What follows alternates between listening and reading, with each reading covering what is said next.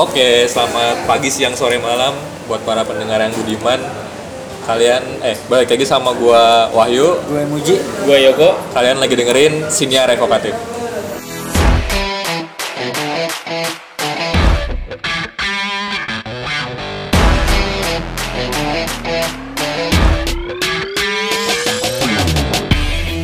Connected generation ya. Ini definisi connected generation tuh orang-orang yang nggak bisa lepas dari internet sehari pun gitu.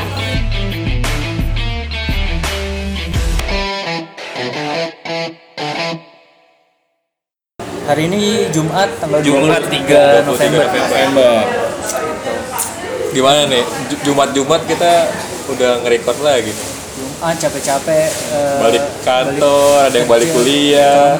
Gue dua-duanya. Oh iya, lu Kantor balik- dan kuliah. Wajib. Gua untung kuliahnya besok sih. Sabtu gua kuliah. Gue untung udah nggak kuliah. untung. Tapi gue emang jam jam aktif otaknya Waduh, segini sih. Oh, ini emang harus Beda nih mau balikan sama Yogo nih. Gue udah Udah lima watt nih. Tadi lu bilang gak ngantuk lu. santuy santuy. Kita ngerekam udah malam di sini. Oke. Jadi Kita- itu tuh kita lihat apa namanya Feedback feedback eh, dari para netizen. ya. Ada si ini. Kita kan ini ya Mana? nge-post di eh kita udah punya ya beberapa eh, platform media podcast. sosial. Ada enggak podcastnya dulu. Oh podcastnya dulu. ada di Anchor.fm, ada di Spotify, ada di mana lagi? Google Podcast. Google Podcast, Pocket Cast. Pocket Cast, tapi kalau di itu bayar sih dia buat beli. Terus tadi aplikasi. ada yang ngasih feedback apa? Suruh nambah di Jux. Iya. Siapa sih? coba coba gua Ada beberapa sih Bacain, ada si Encek nih. Liando. Piando dia nanya di Jux ada nggak terus si Hafiz juga adik kelas kita nanya di Jux ada nggak karena katanya nggak tahu sih Spotify itu nggak bisa dibuka kalau nggak punya aplikasi Oh gitu. Iya sih. Padahal web maksudnya. bisa ya harusnya Oh kasih tahu aja kalau di Anchor gue. ada Anchor ya Anchor.fm slash evokatif. Itu ada juga. ntar kita kasih tahu terus ada satu lagi nih Wafikoh nih dia bilang pembukaannya ada tagline lebih ajib kayaknya Waduh. Tagline udah kayak bergerak menginspirasi wah Ah. kayak ini ya Ya, ntar coba eh, cek penting cek episode yang ini menurut kalian kayak gimana gitu. Iya, iya. Ntar kita pakai hashtag 2019 pokoknya depannya. Waduh. Waduh. Waduh. 2019 ganti status ada. salah Oh terus ada feedback juga yang apa namanya abis dengerin episode yang apa namanya Dari Oh, siapa? iya, iya. At, at Aduh, baru gua cari dulu. komen seru sih Eh, kalian juga bisa interaksi di di Instagram kita ada di senior.evokatif juga ada kita bakal nge-share Nih. juga di situ Kata dia, aduh, ntar dulu bro, koneksi lemah nih. Bagus nih buat para fresh graduate yang belum ada bayangan kerja. Mereka kerja sebagai PNS di kementerian, karyawan manufaktur besar, dan karyawan e-commerce besar. ini ini habis dengerin episode 1 ya. Iya. satu abdi negara budak korporat Korporasi. atau anak bawang Bawah. nah sekarang mau ngobrol apa nih kita Mau ngobrol yang kekinian lah. eh sorry ya kalau suara agak Bising. bising kita nggak dapet tempat yang biasa nih Iya. soalnya Tapi nggak apa lah biar biar dapat suasana-suasana di Apa ambience? Iya. Habis ngobrol lagi. ambience sound di tempat-tempat makan kan. Oke, kita mau ngobrolin Oh ini kemarin ada feedback ini nih buat Apa? buat tema kita juga. Kemarin gue ngasih teman gue kan, eh gue punya podcast nih diskusi gitu bahas yang kekinian gitu kan. Oh lu bahas kekinian berarti lu bahas ini dong, bahas Angel Elga gitu kan sama Wadaw. Ditantang nih kita untuk membicarakan Eh, infotainment. gue sebagai salah satu netizen kan. Iya juga sih. Gue masih dibuka dong. gue tuh gue sama apa namanya gue kan ngefollow ini juga kan turah-turah juga kan. Waduh. Beberapa, iya. Itu apa namanya Akun wajib. akun informasi. Oh, bukan buat jadi referensi informasi aja iya rame kan. Kemarin tuh kekinian aja ya, kemarin tuh rame apa ini ya siapa namanya? Vicky Ya. Vicky Prasetyo. Menggerebek ya? dia Itu nama cukup yang sama lagi cukup sama geger tuh. oh iya. Dia menggerebek is- tanda kutip istrinya itu Angela Elga sekarang masih? Yang sedang apa namanya yang sedang berduaan ya? Sama bukannya ada orang lain ya, kayak pembantunya gitu. Gua gua gua taunya berduaan sih kalau ngeliat dia itu. Iya berduaan di dalam di dalam ruangan ya. Iya, yang apa namanya pintunya itu bolong sebagian kalau gitu. sebagian. Itu udah dijebol kayaknya. Jebol. terus kata netizen anjir ini Vicky lagi di Dufan kayak loket Dufan soalnya kotak kecil di tengah gitu oh iya iya iya. itu dia datang dengan bawa wartawan ya bawa sih? bawa polisi Bawa polisi. bawa Pak RT waduh niat banget tuh iya banget sih dia Ya. udah memantau dari jauh-jauh hari Angela Elga ini kan sebenarnya juga inian kan dia kok politisi juga kan Iya. Dia caleg juga ya caleg, Caleg juga, juga. sekarang oh. Dia lagi sibuk juga sekarang caleg Cuman emang agak lucu sih sebenarnya beritanya Iya. itu pro kontranya apa ya ya ada yang bilang itu kayak settingan gitu kan ada yang bilang ya settingan gak segitunya tapi menurut lu beneran settingan nggak ya? gue kayak gini-gini tuh settingan nggak sih? gue sih yakin bukan settingan ya Oh, iya. Anda yakin sekali ya betul saya settingan ya? yakin itu bener kayaknya itu dia semua bisa menilai lah. Dia nikah kapan sih? Oh, udah nyata. tahun lalu. Pokoknya dia nikahnya gue sebenarnya kaget sih. Tuh. yang nikahnya terus kayak ada nyebur di ancol gitu. Tau nggak? Yang cincinnya tuh nyemplung. Aduh. Gua asli sih, gua sebetulnya, gua sebetulnya nggak gue sebenarnya nggak kebayang sama sekali sih. Kan dulu gue tau Vicky kan yang pas sama Saskia Gotik Gotik, kan? iya. terus aja lagi tau ya gara-gara pisah sama Roma Irama kan? Anjir, tiga cowok. Gosip aja. Enggak, gue soalnya tiba-tiba tuh ngeliat Iya, geli juga ya Gue gini fotonya Terus gue tiba-tiba ngeliat Eh ini kenapa tiba-tiba ada dia nikah? Kapan dia nikah? bahas dong, bahas komen netizen aja kali. Kayaknya seru kan nanti komen netizen. Oh tunggu tunggu. Terus setelah setelah ini setelah Angela Gaviti kan rame tuh. Terus tiba-tiba keramaian di topik ini tuh ketutup. Ketutup. karena Dengan tagar ada ada titik-titik today. apa namanya siapa tuh namanya Gading Martin Gading Martin dan dan Giselle Giselle. dikabarkan dikabarkan akan akan cerai cerai Jadi sudah mengajukan gugatan Iya, ke Giselle. pengadilan negara Pengadilan negeri. Pengadilan eh, dengan negeri Negeri. Pengadilan negeri Jakarta Selatan Cuma menurut gue ya Menurut gue nih Si Vicky nih settingannya salah menurut gue oh gitu. Salah. Maksudnya dia koordinasi dulu ke, ke Gisela Gading Martin. Karena setelah dia rame itu tertutup sama tagar Save Gempi Save Gempi. jadi mestinya itu dia koordinasi dulu nih. Si Pading Martin ngeluarin isu baru si Vicky keluar. Jadi isunya udah ketutupan. Percuma dong dia digerebek malam-malam kalau misalnya isunya ketutupan sama tagar Save Gempi kan? Kasihan Pak RT yang udah ikut mau gerbek ke rumah. Kasihan. Ini gua emang kaget sih kan kalau eh sebenarnya beritanya dari gua baru gua baru nge-search nih asli gua baru nge-search bukan dari main kemarin gua baru nge-search kalau sebenarnya tuh itu di post di Instagramnya si Gading Martin Apa? ada deh pokoknya kayak ya ini keputusan yang berat buat kita berdua bla bla bla bla Oh, iya, bla, iya. gitu gitu Gue sih baca di ini yang Line Today. Line Today itu source kalian berdua ya Bre- breaking news kan. breaking news sih gue nggak pernah sih nggak pernah buka line gue ya Semoga jadi gitu menjadi partner yang baik lah untuk membesarkan Gempi. Katanya gitu kan. menurut lo menurut lo gimana menurut lo dia perlu nggak ada keluar tagar save gempi iya emang dia perlu diselamatkan dari siapa Sepertinya netizen care sekali ya sama dia. Iya benar. Tapi kalau gue sih me- apa ya mengkritisinya kayak media ini kayak aduh, udah kehabisan bahan gitu.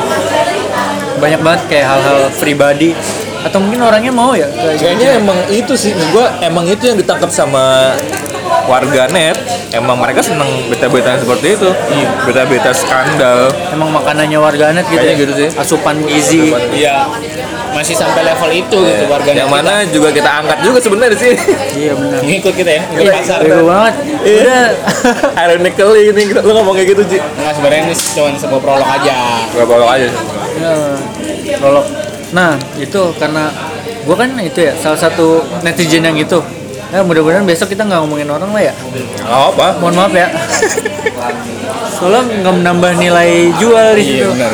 Kita Nah, sebenarnya yang mau ke sorry itu adalah eh, beda banget nih gue ya gue sendiri ngerasa beda banget nih ada perbedaan antara komentar dari warga netizen eh, dari dua platform media sosial yang berbeda jadi warga net Instagram dengan warga net Twitter beda komennya. Beda beda banget.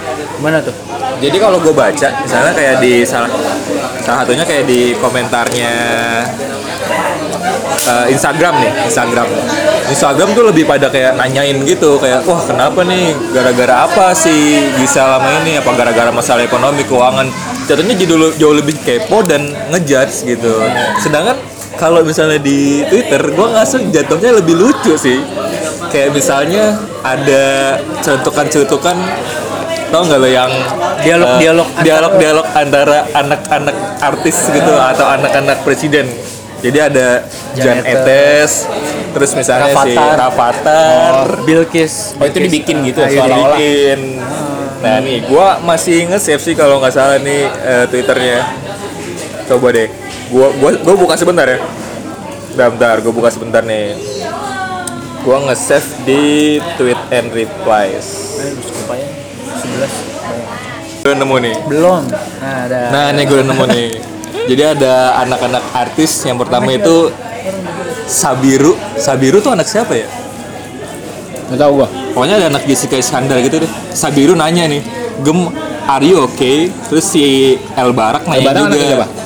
Jessica Iskandar kayak. Oh. Dia nanya, Gem kabarin kita ya kalau kamu butuh temen cerita. Ya, terus ada Janetes, anaknya eh cucunya, Presiden Jokowi. Jangan delete aja Gem, kita khawatir. Tiba-tiba si Gempita bales nih.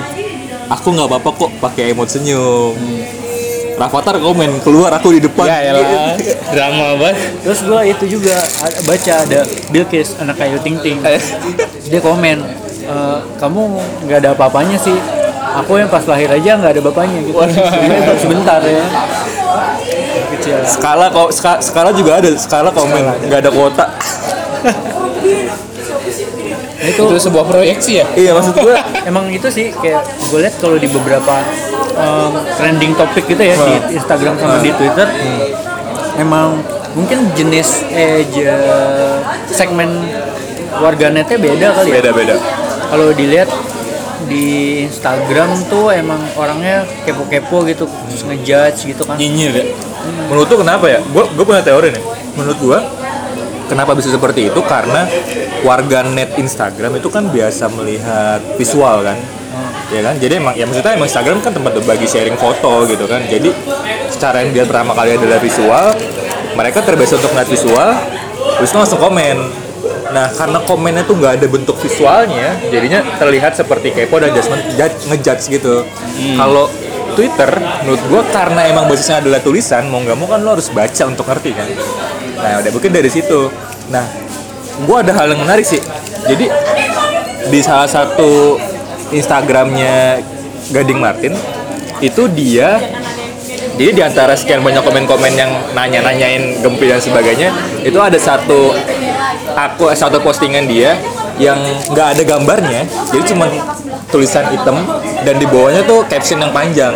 Cukup panjang lah menurut gua. Jadi dia nyeritain kita nggak bisa udah udah nggak bisa bareng nih di posisi sekarang dan menyesal harus mengatakan ini bla bla bla.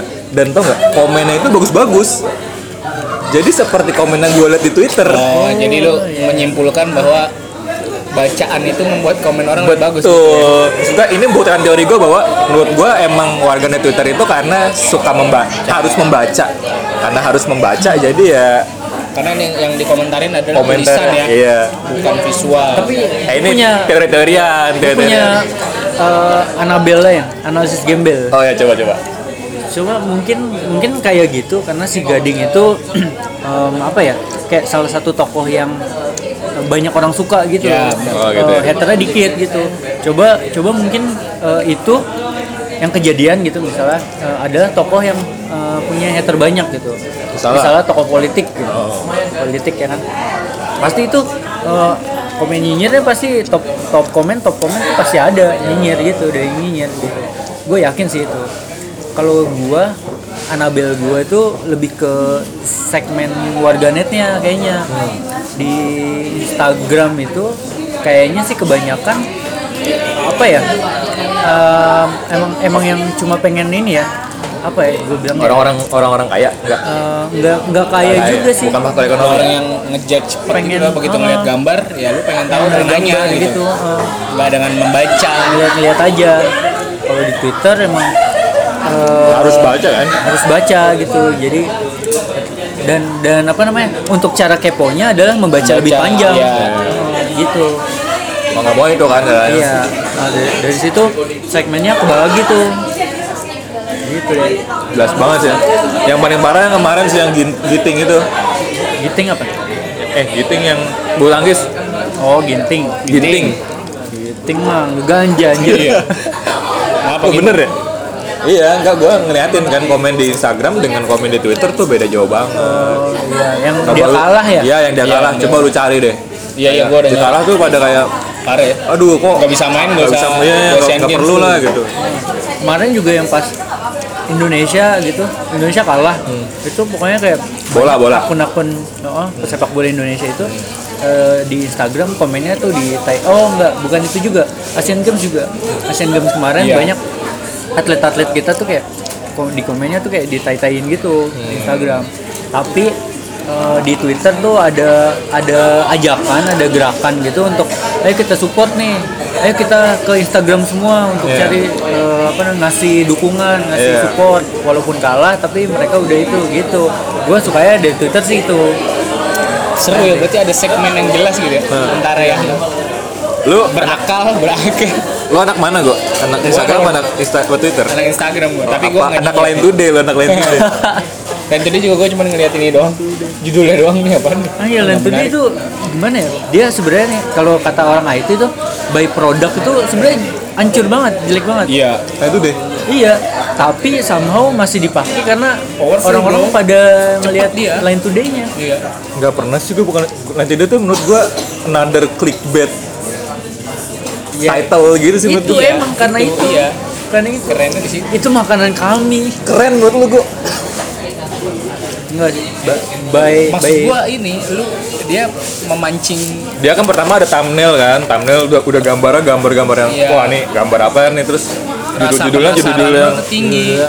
gua semakin gua ngelihat thumbnail itu semakin gua tidak ingin ngeklik ya beda segmen. Ada segmen Instagram berarti Enggak, tapi untuk Oh, isu-isu tertentu pas kayak Giselle, gue kan ngerasanya Gading sama Giselle tuh salah satu relationship goals lah gitu kan ya. Bagus banget gitu mereka. Terus tiba-tiba cerai wah seru juga. Gue klik lah akhirnya walaupun sebenarnya gue klik pas gue liat kagak ada beritanya maksudnya. Ya udah cuma ngabarin gitu dia. doang. Iya. ini cerai aja udah. Nggak ada analisa lebih lanjut. Iya. Nggak ada hal yang membuat lucu juga. Nah, tapi dari apa ya? Kayak banyak medsos gini-gini kan. Eh, zaman teknologi gini. Ini ba- banyak sih yang ngomongin kayak gini. Kayak gue gue pribadi sih gue agak ngerasa sih. Misalnya nih gue scrolling Instagram dulu ya dulu. Sebelum sebelum algoritmanya ganti. Gue scrolling Instagram feed gue habis gue pindah ke medsos lain. Oke. Ke Twitter. Twitter gue scroll sampai habis, bukannya kerja, malah balik lagi ke Instagram karena ada feed yang baru gitu. Oh. Infinity Pool ya nah Tuh. Infinity Pool Nah terus kayak gitu kan, iya jadi bikin orang Edik. ansos ya, ya kan? asos kali asos Asus apa Asus? Kalau yang, yang ansos bener apa sih? anti sosial. Anti itu berarti lu destruktif sama sebuah perkumpulan. Kalau asos ya lu nggak bersosial aja. Jadi Sosial. lu netral antisosial. sosial. Antisosial itu berarti lu tidak ingin ada sosial. Heeh, lu nggak Sehingga senang lu cenderung sosial. eksklusif kepada Destruktif. sosial. Kalau asos berarti tidak bersosial. Tidak bersosial. Artinya tidak bersosialisasi. Iya. Oh, jadi gitu. jadi asos gitu berarti banyak orang jadi asos. Terus kayak eh, kalau lagi ngobrol, ngumpul gitu Ngumpul. orang, terus tiba-tiba Main handphone, ada ya. orang yang main handphone. Padahal cuma mastiin ada berita baru nggak ya gitu. Nah pas gua kuliah kemarin tuh, gua baru denger juga tuh istilah itu tuh, namanya pabing. P H U B B I N G. Pabing. Pabing ya. itu dong kodenya apa? PH, P apa sih P? Apa? Apa? Apa H? Nggak tahu gua. Hotel. Hotel India. ya itu lah. Eh, kok Pabing. India sih? Uh. Uh, lah, kayak banget anjir. pokoknya pabing lah itu tuh oh, kayak- istilah tadi lu me, apa ya mengignore nyuekin orang yang lag- lagi ada di depan lu gitu dengan ngeliat handphone Pabing. itu Oh, ada. tuh Kalau bahasa Inggrisnya snubbing. Snubbing apa sih? Snubbing nyuekin. Nyuekin. Oh, fabbing tuh nyuekin pakai handphone, pakai Oh, phone, kayak pakai jet-jet. Oh, slangnya gitu ya, bahasa slangnya Iya gitu. ya. kayaknya. Itu apa campaign? Font, font, Ya, iya, font snubbing gitu maksudnya, font snubbing. Iya. dari tahun berapa? 2012 kalau saya tadi. Dan gue baru tahu sekitar 2017 gitu sih 2017 2018 bahwa Udah ada campaign itu iya. Lima tahun enam tua enam tahun lah. Kampanye tuh ngapain? ya itu untuk lu supaya nggak fabing ke orang. Menurut lu emang kita fabing Kan fa- kalau gua, gua jujur gua itu sih fabing sih. Suka kayak misalnya tiba-tiba nih ada getar ya. Hmm. Gua tiba-tiba ngecek HP, padahal nggak ada apa-apa, gua ngecek HP, eh malah keklik Twitter gitu. misalnya. Oh. Dikit-dikit kayak gitu. itu ada istilah juga tuh namanya steer by notif gitu. Jadi lu memang saat megang HP lu tuh akan dikontrol sama notifikasi. Oh FOMO FOMO. Fear of missing out. Ngomong viral. Iya, iya, itu bisa. oh iya bisa.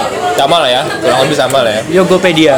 Tokopedia apalagi ini kan notifnya pop up gitu kan yang lu lagi main game gua muncul. Berarti emang sebenarnya kita tuh melakukan fabing ya? Melakukan fabing Jadi fabing itu sebenarnya kata yang jarang banget kita dengar, campaign yang jarang kita dengar juga. Tapi sebenarnya secara ironis kita melakukan itu sehari-hari sehari-hari kan, dekat sama kita tuh. Lu ngerasa? Lu ngerasa juga, kalian ngerasa juga. Gua sih pada beberapa titik sih gua ngerasa sih emang gua memegang HP untuk menyuekan orang. Untuk berarti niat dong. Iya, Nah misalnya iya, gue juga seru sih maksud gue Fabing ini kan ada gadget itu sebagai cara kita saat mati gaya gitu kan Saat Oh. nggak enak buat nyapa orang, saat nggak mau bertatap muka sama Iya, orang untuk benar. Oh, HP itu Fabing juga? Iya Oh, iya. gitu. Misalnya lu malu nih ketemu sama orang nih yang lu punya utang apa-apa lu ya ngeliat HP gitu misalnya ada bos lu lewat gitu ya. Iya Iya, Main HP kan. gitu. padahal sebenarnya ironis ya. Media sosial itu kan sebenarnya digunakan untuk mendekatkan kita kan. Yang jauh. Tapi justru ini Menjauhkan yang menj- dekat. menjauhkan yang dekat tapi justru ini bikin kita jadi jauh gitu. Secara ironis ironis aja sih. Nah buat lu semua yang dengerin nih sering gak lu kayak gitu kan Lu lagi ngobrol, lagi ngumpul ngecek HP ya gua nggak tahu penting apa enggak gitu tapi kadang-kadang pentingnya kebuka terus buka lagi nggak penting gitu Nah, tapi menurut nih dalam posisi yang ekstrem ya, hadirnya HP dalam sebuah conversation kayak gini, pembicaraan kayak gini menurut tuh itu bakal berpotensi maksudnya ke- bagus apa enggak? Kayak misalnya se- sehat nggak sih buat convers- conversation gitu?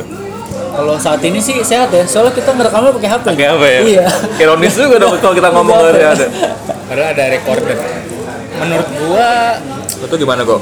distraksi banget sih itu dulu nih dulu kalau dulu belum ada handphone kan ada TV ya TV juga menurut gua distraksi sih di mana Oke. kayak saat nggak ada alat itu tuh lu akan mati gaya lu nggak mau nggak tahu mau ngomongin apa gitu begitu juga dengan HP jadi kayak ya udah itu lu nggak bisa benar-benar berinteraksi sama orang tanpa ada alat bantu gitu istilahnya kayak gitu lah. Menurut gue emang distraksi HP tuh mengurangi quality time sih. Kadang gue suka main gini sama temen-temen gue. Pas zaman gue kuliah tuh, kita kita lagi ngumpul rame gitu, eh, kan pada sering pada itu kan main-main HP gitu kan. Jadi kita pada ngumpulin HP semua ditaruh di tengah. Terus ya Yang udah, yang ngambil duluan dia traktir. Mungkin waktu itu kita zaman kuliah sih gue mikirnya ya kita belum ada kerjaan atau yang hal yang seurgent itu kan sampai sampai bener-bener harus megang HP gitu Sampai kayak gitu ya. sampai kayak gitu kalau sekarang sih gue pikir kayaknya udah nggak bisa deh soalnya maksudnya kita kan punya kerjaan Tapi dan iya. dan balik lagi ke itu sih tadi masalah urgent ya gue merasa memang teknologi yang maju dan informasi yang cepat ini membuat nilai kita bergeser artinya gini saat ada info mendadak nih lewat WA lah lewat Iya. grup atau segala macam terus lu nggak tahu yang dulunya itu by lisan by surat lah kalau di kantor gitu terus ini lewat WA dan lu nggak tahu yang disalahin siapa yang disalahin lu kenapa lu nggak buka WA kayak gitu kan iya. padahal lu ngirimnya semua kan Iya, tapi tetap Padahal aja kayak sebelum sebelum ada HP, saat informasi tidak kita terima, yang salah tuh yang ng- ngasih. Ya, karena lu nggak menyampaikan itu sampai diterima gitu. Oh, oh, sampai memastikan sekarang- itu diterima. Tapi kalau sekarang, yang penting gue udah ngirim. Iya. Lu harusnya terima karena yang lain terima juga gitu. oh karena ada grup nih Iya, salah satu itu sih yang membuat gua akhirnya tertuntut untuk selalu ngeliat gitu loh. Padahal eh, eh kalau kalau di instant messenger gitu kayak WhatsApp lain gitu kan notif chat kan emang ini ya jelas ya dari chat gitu. Kalau dulu itu notif itu eh, kemarin gue baca-baca. Jadi notif tuh awalnya yang bikin tuh BlackBerry. Pertama kali Oh, pertama kali dia bikin push notif itu push notif email. Ya. Nah, dia push notif email Berarti mestinya buat kerjaan dong kalau email. Iya, kenapa alasannya? Karena supaya eh, kita nggak nggak takut ketinggalan eh, berita dari email. Oke. Jadi kalau ada email baru muncullah di notif gitu. Terus Habis lama kelamaan mulai masuk ke BBM. semua iya BBM juga Lama ya. instant messenger lain juga bahkan sekarang platform-platform aplikasi lain dia push notif sendiri ya kan Bahkan games pun push notif ya. games pun ada push notifnya dan yang parahnya itu eh, kayak Facebook nih dia Iya. ngasih notif kalau temen lu misalnya melakukan apa gitu pergi Iya. ke mana Iya, jadi dia iya. ngasih notif Twitter Oh, juga. iya tuh. iya benar Instagram juga cuy, misalnya lu, lu udah lama nggak post nih, tiba-tiba Iya. lu post ngasih notif Ngasih notif. while. ya. sebenarnya Iya, iya. apa ya eh, tidak lu butuhkan ya Iya. Ya.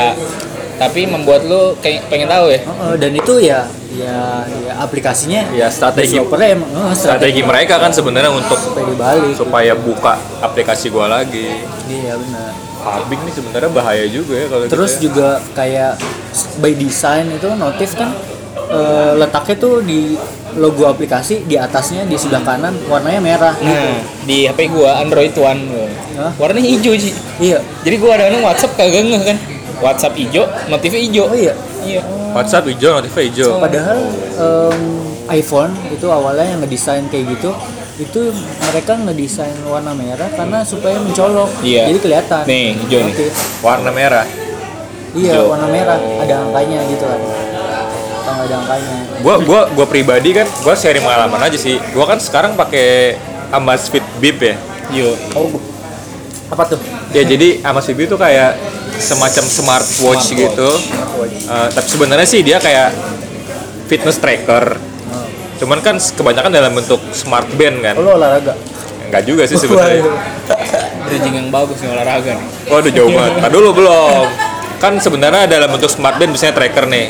Cuman sekarang eh, gua pakai ini karena ada fitur jamnya. Jadi nggak cuma smart band tapi juga smartwatch. Dia menunjukkan waktu juga sebenarnya. Nah, yang band juga bisa. maksud gua kan bentuknya tetap band. Oh iya. nggak nggak technically sebagai Nggak jam. jam. gitu nggak yang gue sorotin sebenarnya tuh sebenarnya pak penggunaan smartwatch gue ini bisa cukup mengurangi eh, ketergantungan gue dengan ngelihat notif di HP kan sebenarnya awal kali kita nge- ngebuka ini kan lo bilang infinity pool itu kan datangnya dari kita ngebuka notif di HP kan Iya. terus lo buka Twitter buka Instagram dan sebagainya nah dengan adanya si smartwatch ini dia bisa gue synchronize sama HP gue terus gue bisa ngeliat notif dan isinya Ya sama aja lu Fabi nggak pakai jam. Enggak, tapi gue bisa mengurangi kayak misalnya, oh ini notif dari siapa nih, nggak penting. Jadi langsung gua langsung gua ignore HP gua. HP gua lagi di kantong misalnya nih, atau HP gua lagi di sebelah gua, lagi di meja sebelah gue. Gua lagi kerja, sebenarnya gua ngeliat ada getar kan. Oh ini dari siapa nih? Oh ya udah nggak penting, nggak gua nggak nggak perlu gua nggak perlu gua warok gitu ya Udah apa bedanya main handphone handphone kan juga kelihatan notif terus Nah tadi kan makanya ketika lu buka notif pertama kali kan sebenarnya lu cuma pengen buka notif aja, let's say lu buka Oh, notif aja kan. iya, Tapi iya. abis itu kan lu tiba-tiba kayak jari lu bergerak sendiri nyari Instagram, jadi lu nyari Twitter, kayak ada gitu kan. kecenderungan untuk buka ya. Iya iya itu bener-bener membantu gue sih. Oh ini dari siapa nih? Oh ini harus gue balas. Oh ini nggak harus gue balas ya udah. Bisa langsung ngeliat sih. Kalau lu kan dari lampu kan. Iya. Kalau lampu kan lu nggak tahu isinya siapa dong. Ya kan baru harus buka dulu. Tapi bisa scroll bawah. Ya tetap aja jadi kayak gerbang. Iya. Dan ini gue sayang aja sih pengalaman gue. Ini cukup menurut gue ini cukup membantu sih kalau misalnya emang eh, lu Lu mau punya kebiasaan Fabing ya. lu mau mengatasi fabing. HP jadi Fabing pakai jam gitu. itu apa berkaitan sama infinity pool mungkin kalau yang nggak tahu infinity pool itu eh, kasih contoh dulu ya contohnya tuh kayak Twitter saat ini Instagram saat ini Iya, itu. iya. jadi dia itu Atau e-commerce. eh kamu sih ya Lu doang kali. Lu kali Sama ben suka belanja sih. E-commerce itu di apa di apa maksudnya? di itu apa di platform apa sih Yang gua soalnya kalau di Bukalapak ada pagination Apa tuh? Pagin nih kalau Infinity Loop itu lu kalau buka platformnya let's say Instagram Oke. lu scroll ke bawah terus Iya. dia eh, dia nggak bakal ada bawahnya Infinity Oh, terus kan? nggak ada base nya karena dia otomatis nge-refresh saat lu pengen nyampe bawah Iya iya iya. jadi, jadi dia menciptakan ilusi Infinity Loop itu tapi ada notif kan Instagram apa your code all Iya apa benar. gitu istilah. Kalau kalau lu udah udah sampai bawah Udah gitu, semua. tapi lu masih bisa ke bawah terus Iya kan. sih. Itu infinity lu. itu ada di Facebook ada di Instagram ada di Twitter itu Infinity Loop kalau Pagination itu eh, buk- lawannya Infinity Loop dia diciptakannya by page page pagination jadi Pagination. jadi dibuat halaman-halaman kayak dulu Google itu kayak ada Google pas kita searching terus ada halaman 1 2 3 Ya, di bawahnya. gitu. Ntar kalau misalnya lu udah sampai halaman 4 berarti yang lu cari nggak ada Udah mulai nggak Iya. ini, udah mulai nggak relevan. Iya, Oh. nah. Itu pagination gue gue kalau ngeliat e-commerce di Shopee sih itu kayak kayak pasar gitu begitu lo ngebuka Sepertinya semua mau gadget kayak mau apa semua ada di situ. Sepertinya anda saja ya yang membuka e-commerce. Cowok. Cowok. Shop Shopee. Shopee. Ikutin istri gue lu gue sih kalau kata kopi ini bukan lapak udah itu doang sih.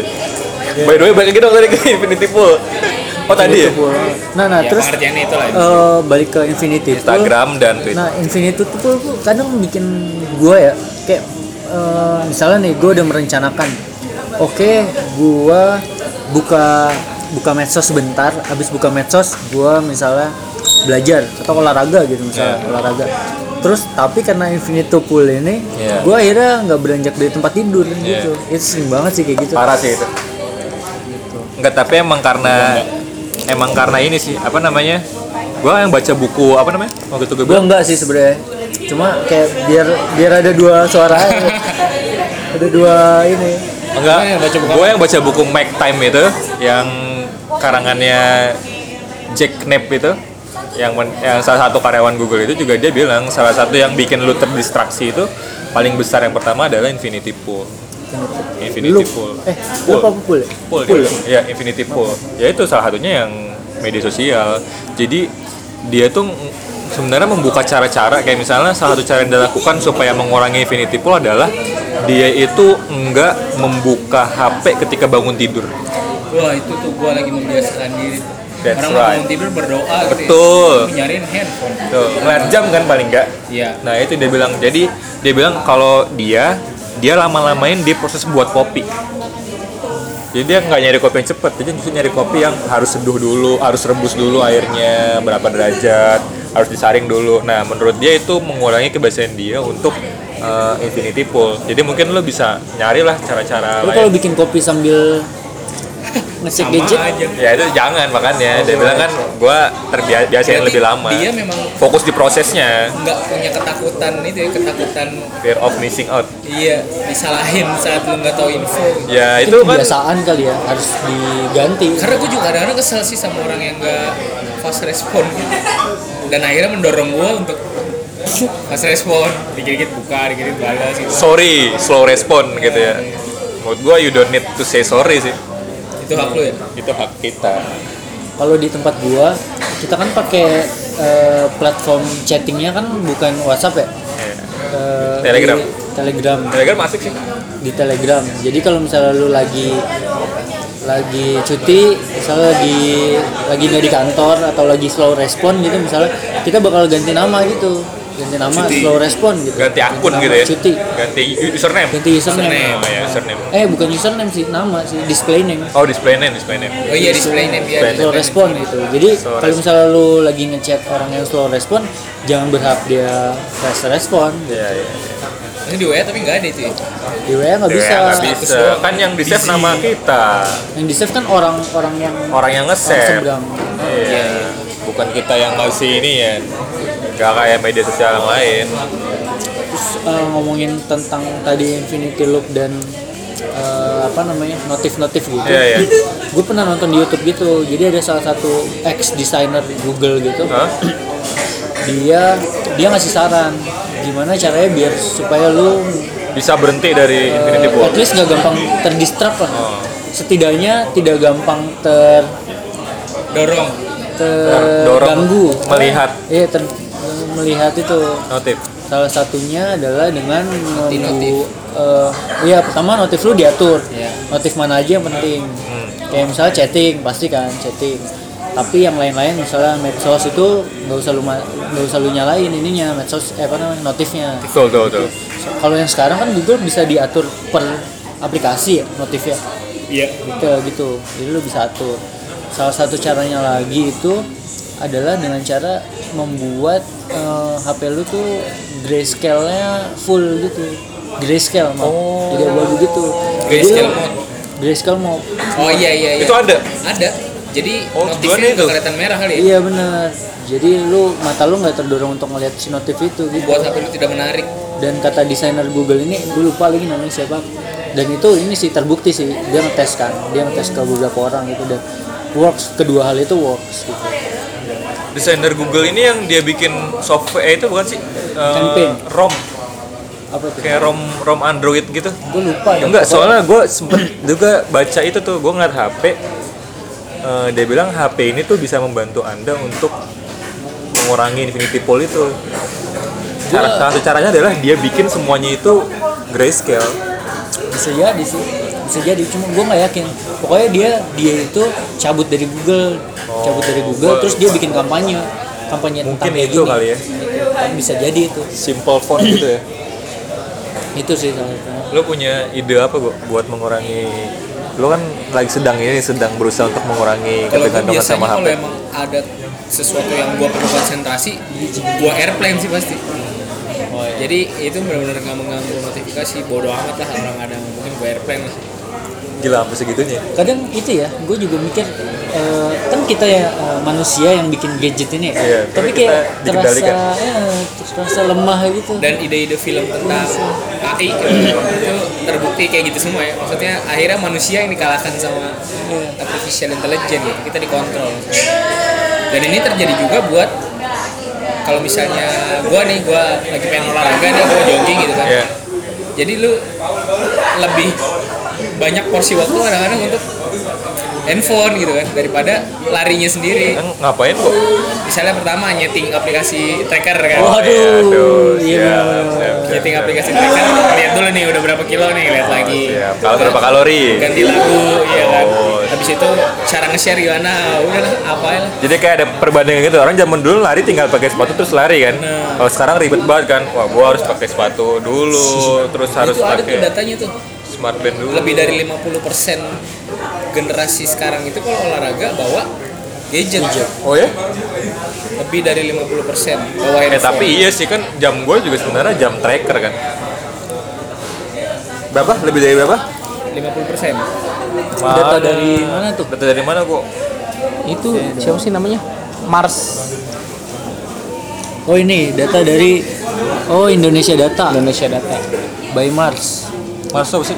dia dia kayak bikin data gitu eh, tentang Gen Z Gen Z Connected Generation. Emang emang kenapa kalau kita maksudnya emang kenapa kalau misalnya kita membuka gadget ketika olahraga? Ya porsi olahraga lu akan berkurang nih. Misalnya lu cuma punya waktu setengah jam lah sebelum kerja untuk olahraga. Harusnya lu bisa olahraga terus. Tapi ada sebagian waktu yang lu habiskan untuk gadget jadi. Ini emang karakteristik generasi kita apa gimana? Menurut gue sih itu tadi jadi perilaku yang berubah gitu ya. Jadi seolah-olah ya tadi lu fear of Missing out. Bahkan saat olahraga pun lu takut. Takut film. Gue pikir tuh olahraga lebih, maksud gue, gue pikir yang kita setting di olahraga tuh lebih ke aplikasinya aja, terus kayak misalnya mau show off doang kali Tracker itu Kayak mau ngeset show off, iya ngeset kali. ngeset ngeset mulai lari terus lari berapa kilo ya gitu. Tapi itu kan jadi tren kan. Mungkin Gitu ya? temen-temen lu ada nggak Iya, yang iya, emang ada, sering ada. upload kayak gitu gitu. Bahkan di aplikasi tracker itu dia jadi mengadopsi kayak sosmed. Jadi saat lu punya teman di aplikasi tracker itu lu akan ngeliat temen lu udah lari berapa jauh. Terus ntar ada sebuah kompetisi gitu. Jadi kayak saat lu bisa ini lu akan dapat reward yang lu gak dapat gitu. ribet banget ya mau olahraga aja Iya, tuh lu harus berkompetisi dengan maksudnya kalau ngelihat misalnya ada aplikasi kayak gitu ya yang ini kan udah olahraga ya Iya. apa namanya eh, mengkompetisikan olahraga gitu dia kan bisa mendorong orang untuk olahraga lebih dong beraktivitas secara fisik Iya. lebih gitu bagus dong Nyatanya lu di situ. tapi menurut gua nggak ide maksudnya bukan nggak ideal kayak emang harus di olahraga juga lu bener-bener dituntut untuk berkompetisi sama temen gitu? Lah kagak ini maksudnya itu kan kayak bagian dari wah gua nggak kayak nggak bisa kalah daripada dia gitu. Ini kayak ini gak sih? Kayak misalnya kan jam generasi kita kan emang suka membanding bandingkan kan? Kayak di Instagram malah suka membandingkan kan? Terus kayak dia lu ngelihat dia wah dia udah lari sejauh sekian gua masih cuman sekian gitu. Mungkin kalau termsnya baik oke itu oke sih. Dalam hal ini kan olahraga kan cuman kalau termsnya membanding bandingkan sih kayaknya ini mah menurut gua gamification dari apps-nya aja. apps-nya aja Soalnya kalau ada gamification tuh orang bakal lebih lebih stick di app-nya gitu, lebih seneng gitu. Pakai apps-nya. akses dan Dan kalau menurut gua di olahraga ini kan eh, oke aja sih menurut gua. itu dalam hal ini oke ya Oh, dan ini oke. iya tapi Bisa di cheating nggak sih? Eh, ditaruh di motor gitu. wah iya bisa cuman kan kelihatan average speednya Oh ya. Ya ya ya. wah, lu udah merhatiin banget ya Tidak mau kalah udah gitu. mau kalah Eh, pesan ojol. Bang jangan cepet-cepet tapi bang nggak.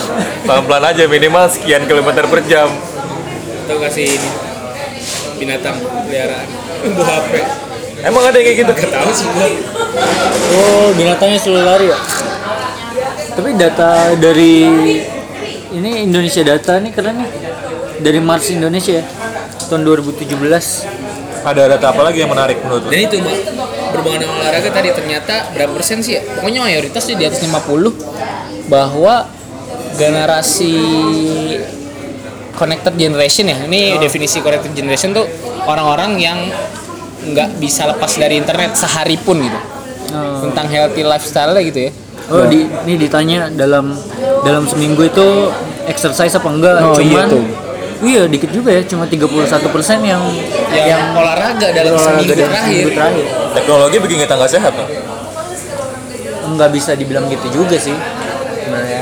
terus gimana Ya kalau eh, ini berarti sebenarnya kalau- fenomena yang nggak kita sadari ya enggak define define teknologi dulu. Kalau misalnya apa yang buat lari apa namanya? Oh, treadmill Treadmill kan teknologi. oh kind of teknologi ya udah kalau kita media sosial ini apa ngomongnya Bisa ya. Ini Enggak. generasi. tapi itu kan cuman ya itu eh, Generasi data ini. lepas gitu kan artinya dia cuman survei tentang lo olahraga apa dalam seminggu nggak ada hubungannya dengan teknologi nah Iya. itu mungkin yang perlu kita bahas tuh artinya itu ngaruh nggak sih Ada korelasinya nggak? iya benar apakah dengan adanya eh, gadget yang makin canggih itu bikin lo malas olahraga atau emang ya kalau yang rasain gimana Eh, kalau gue sih kalau gue bukan sih karena Iya, kerja aja nggak sih. Nggak, kalau gue jujur aja sebenarnya bukan karena kerja juga emang karena diri gue aja. Kalau menurut gue gitu. Beda. Kalau gue kan emang dari SMA dari kuliah kan emang at least seminggu lah gitu kan olahraga apa main futsal gitu kan lari. sama sama. Tapi ya ini semenjak kerja ini udah gue ngerasa kalaupun gue kerja sebenarnya sabtu pagi lah satu, Iya, satu jam terus menurut gue gue pasti akan punya waktu sih sih sebenarnya. cuma masih sampai sekarang yoga. Mampu untuk meluangkan aja apa enggak Iya. nah itu ngaruh ke kita apa enggak sih menurut gue Cuma kenapa ya? Gue bingung itu. Kenapa orang apa emang ini fase kita gitu yang baru kerja melihat akhirnya teman-teman gue tuh kayaknya males olahraga. Atau memang itu tren baru gitu ya orang malas olahraga. oh ya Hah? masa sampai tren baru Nah, gue nggak tahu makanya.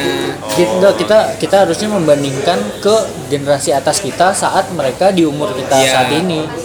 Tapi klaim gue ya, klaim gue, Anabel gue, analisis gembel, Sis gembel kayaknya sih emang kita ada di saat ini aja gitu di umur segini jumlah yang berolahraga ya emang cuma dikit orang yang konsen ke situ gitu paling orang yang emang dia sadar akan kesehatannya dia nah itu menurut gue gitu sih karena karena udah mulai kerja kan Padahal mestinya kan gadget itu bisa membuka kita sama banyak Iya. informasi baru kan dibanding sama sama generasi sebelum kita kan. Ke soal kesehatan, iya. apps-apps juga udah banyak banget kan, apps-apps buat tracker lo olahraga. Mestinya kan kalau ngeliat kayak gitu, itu mestinya lebih mendorong kita untuk hidup sehat. Paling nggak informasinya terbuka banyak. Kalau hubungannya sama aktivitas fisik sih ya kali ya yang membuat Fisik. kita akhirnya turun banget kan. Jadi gue pernah ini pernah dengar ada yang ngebahas tesis atau disertasinya UGM gitu. Dia eh, ngebahas tentang WC. Jadi zaman dulu WC itu kan umum ya Umum. dikali gitu. Oke. Nah, itu tuh salah satunya membuat aktivitas fisik lu dengan Jadi lu lebih- berjalan gitu, Oh. berjalan ke WC untuk buang hajat. Tapi sekarang kan WC ada di kamar kan. Wah, lebih dekat. Iya, maksud gue jadi aktivitas fisik yang seremeh itu pun Dulu WC lu squat. WC-nya lu jongkok kan dulu kan. Eh, siap squat coy. Baik. Siap ya. sekarang duduk ya. Sekarang duduk. sit Dulu WC nggak ada colokan. Sekarang ada colokan. Lu bisa main HP di Mana WC ada colokan? di gue belum nih Ada cuy, kan ada hair dryer gitu-gitu sih. kan. Iya, gitu sih. Oh, iya benar. Iya kan? kamar mandi bukan WC Iya kan bisa sampingan. Hotel-hotel sekarang udah banyak kayak gitu cuy. iya iya Iya. Oh iya. Wah ya kan? Wah, gue juga harus nuasang nanti. Lu duduk, ada colokan, udah another infinity pool. Infinity Poop. infinity pool. Iya duduk ya nggak kesemutan gitu kesemutan enak. Oh gitu ya? nah itu maksud gua ngaruh banget gak sih dengan teknologi tadi kemageran lu tuh berting bertambah gitu Iya juga yang tadinya masih pengen jalan sekarang mau, mau pesan makanan tinggal online Oh iya, itu ngaruh banget sih. mau ke mana-mana dulu kita harus nyamperin tukang ojek atau angkot sekarang ojek yang nyamperin kita gitu itu emang ini sih negatif negatifnya dari kemudahan ya. Iya ya, apa namanya? Kemudahan yang kebablasan. Gue nggak bisa bilang itu kebablasan sih, soalnya itu yang ngatur kita sendiri. ya Yang Tapi bisa kan kalau misalnya kita mesen Gojek, kita nggak bisa ngatur eh, dia buat lebih jauh kan? yang ya enggak, bisa lah bisa lah. lu pick Nggak up maksudnya aneh-aneh aja.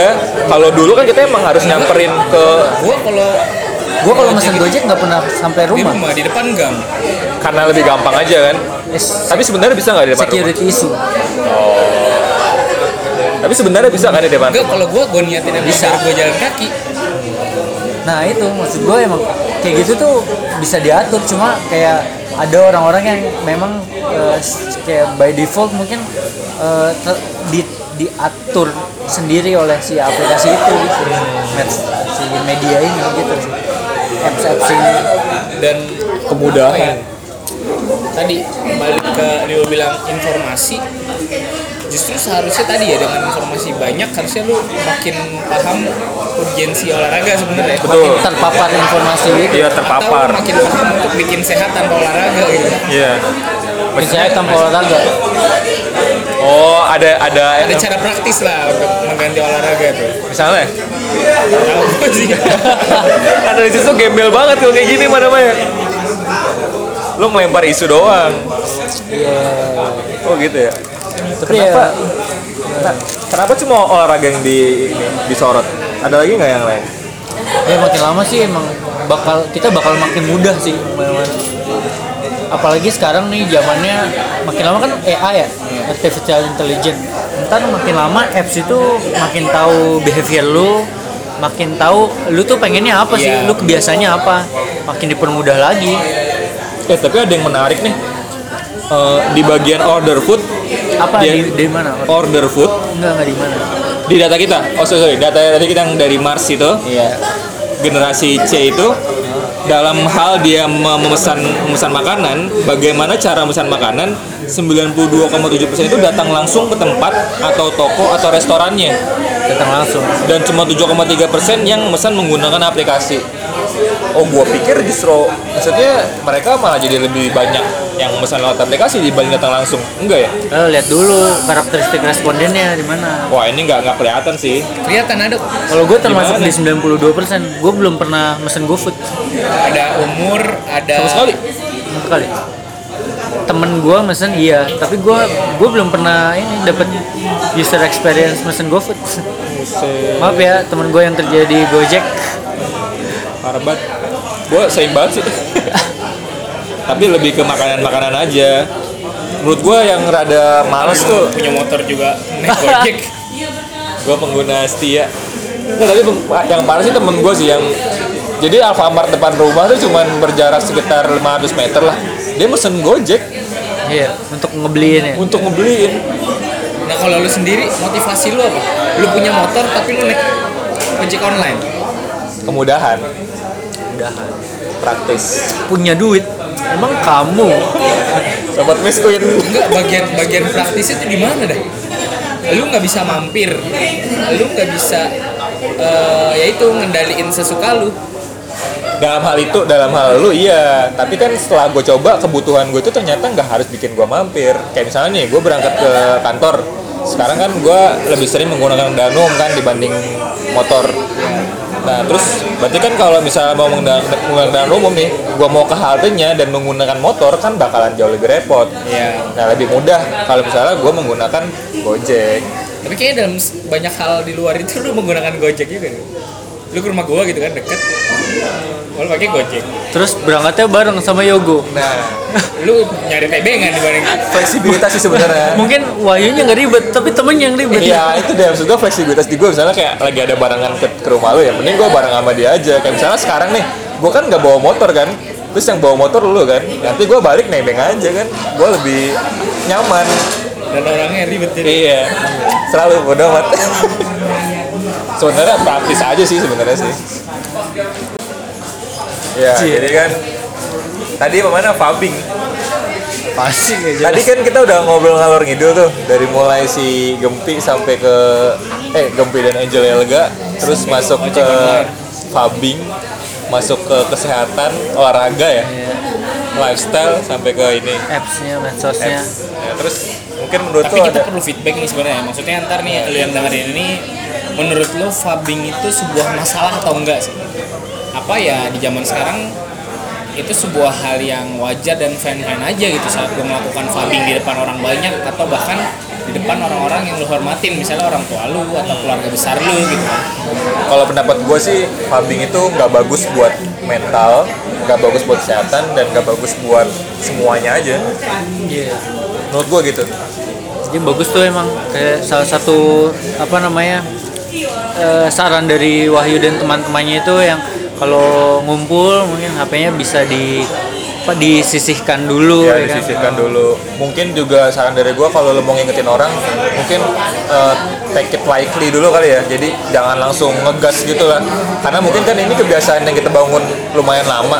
Jadi misalnya lo mau ngingetin orang eh lu nggak usah jangan main HP dong. Nggak usah nggak nggak perlu kayak gitu. Jadi lu kayak lebih lebih di Indonesia lah. dia sibuk Iya. aja dengan kita ya? Ya ah, bisa jadi kayak gitu. Maksud gua lebih ini Lebih santun, santun. lebih santun kayak ngomongnya ya kita ngobrol dulu dong gitu. Misalnya coba bisa disisihkan dulu HP-nya bisa juga kayak Yogo tadi di airplane.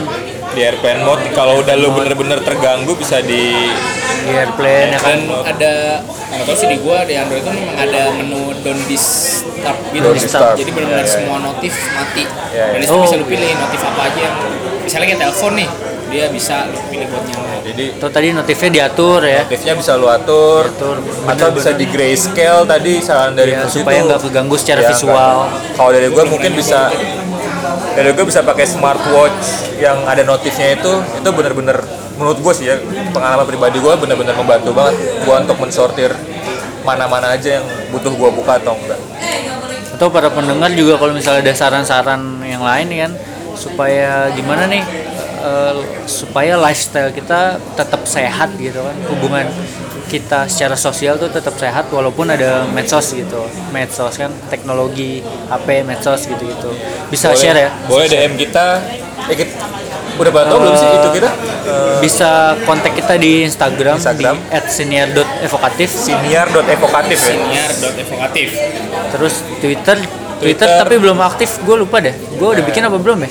kayaknya belum. Oh iya. Nah, Twitter kita akan ya nanti kita akan kita bikin lah biar Bikin kita lah. bisa melihat segmen netizen lagi. Iya, kalau ada yang mau menyampaikan kata-kata yang lebih panjang bisa ke email senior.evokatif@gmail.com at gmail.com atau kalau ada yang mau diundang buat ngobrol sama kita gitu, Bisa mau ikut ya seru banget sih kayaknya kalau bakalan ada yang Iya, ada harus baru. dulu lah gitu. Waduh.